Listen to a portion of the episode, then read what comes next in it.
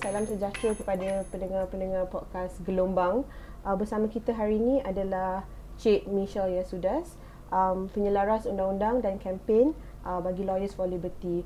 Um, hari ini kita akan membincangkan satu subjek yang agak um, hangat diperkatakan di laman sesawang, di media sosial iaitu Akta Hasutan. Boleh tak Melissa, um, Michelle, sorry, jelaskan beberapa perkara tentang latar belakang Akta Hasutan macam asal usul, um, tujuan akta hasutan dijalankan um, dan dalam keadaan apa biasanya akta hasutan digunakan dalam masyarakat Malaysia. Ad, kenapa macam lately sekarang ni yang kita nampak banyak discussion, perbincangan pasal akta hasutan. Akta hasutan ni ada banyak fasa, banyak phases dalam uh, its lifespan lah hidupan dia. So mula-mula akta hasutan ni memang ia wujud sebelum demokratik Malaysia lah sebab ia akta 1948 1948. So saya faham bahawa ketika akta hasutan ini wujud masa British rejim British dan akta hasutan ini juga ada di koloni-koloni yang lain, koloni British seperti India, seperti Afrika dan tujuannya original adalah untuk men- menyuruh mereka freedom fighters, orang yang patriot, orang nasionalis untuk mendiamkan diri dan jangan cari pasal dengan rejim British. Masa rejim Malaysia yang ambil alih. Ini jadi satu alatan lah untuk mendiamkan mereka pemberontak lah. Mendiamkan pemberontak, mendiamkan pembangkang. Dan ini adalah cara yang paling efektif lah saya lihat untuk menyuruh orang untuk berhenti bersuara. Tapi saya lihat um, kita tengok macam selepas 2013 memang ada spike seolah-olah ada lebih banyak kes kan. Saya rasa masa kita 1990s memang tak dengar banyak kan Sedition Act. So sebab masa dulu memang Sedition Act digunakan.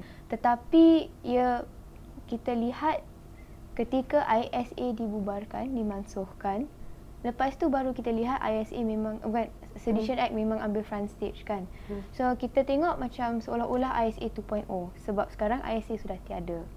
Sebab masa Sedition Act tidak hmm. digunakan ISA ada dan di situlah mereka tangkap semua orang yang dilihat sebagai aktivis yang mantap lah.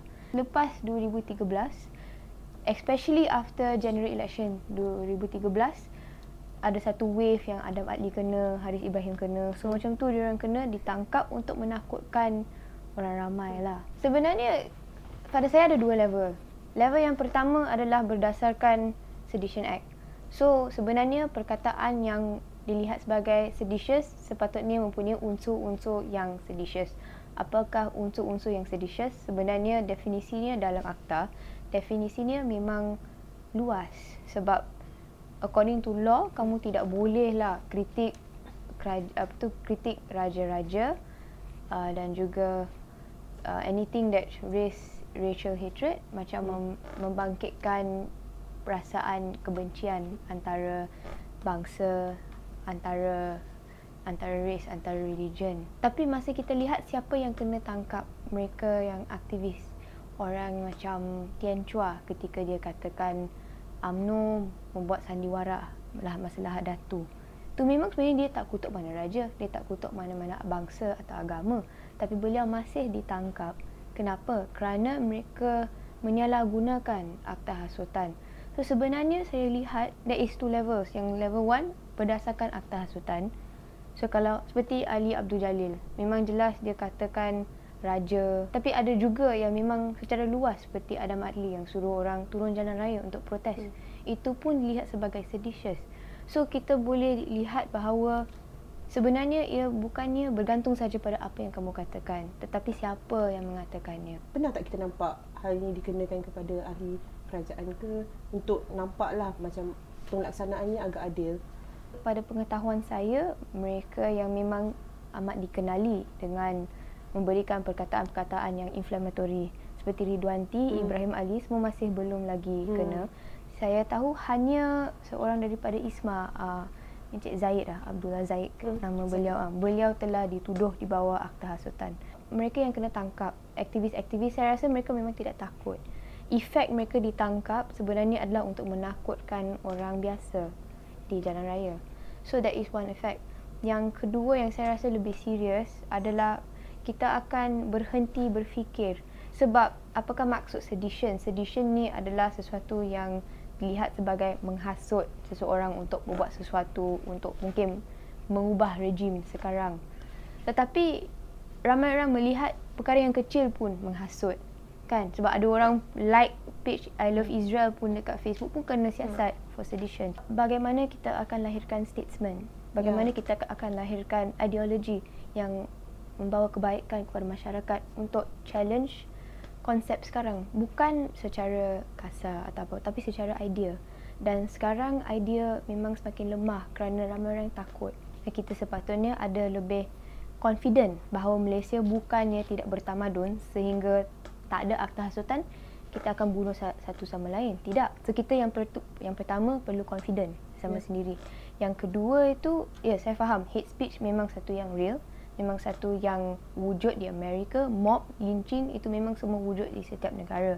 Dan di situ kita perlu ada satu law untuk menangani masalah tersebut. Tetapi threshold dia perlulah tinggi. Sebab ketika satu perkataan dikatakan untuk jadi jenayah perlu memang serius dan perlu standard yang lebih tinggi. Dulu Perdana Menteri berkata bahawa dia ingin mansuhkan. Dan selepas itu bak kata Michelle um, tertiba ramai lebih-lebih lagi pemimpin pembangkang yang ditangkap. Um, jadi sekarang ni trend ni kita lihat adakah mereka masih um, mengambil menangkap orang untuk akta sultan ataupun mereka tengah mengurangkan penangkapan orang dalam akta sultan. Hmm, sebenarnya ini memang susah kita nak predict sebab setiap minggu hmm. pun ada satu yang berbeza.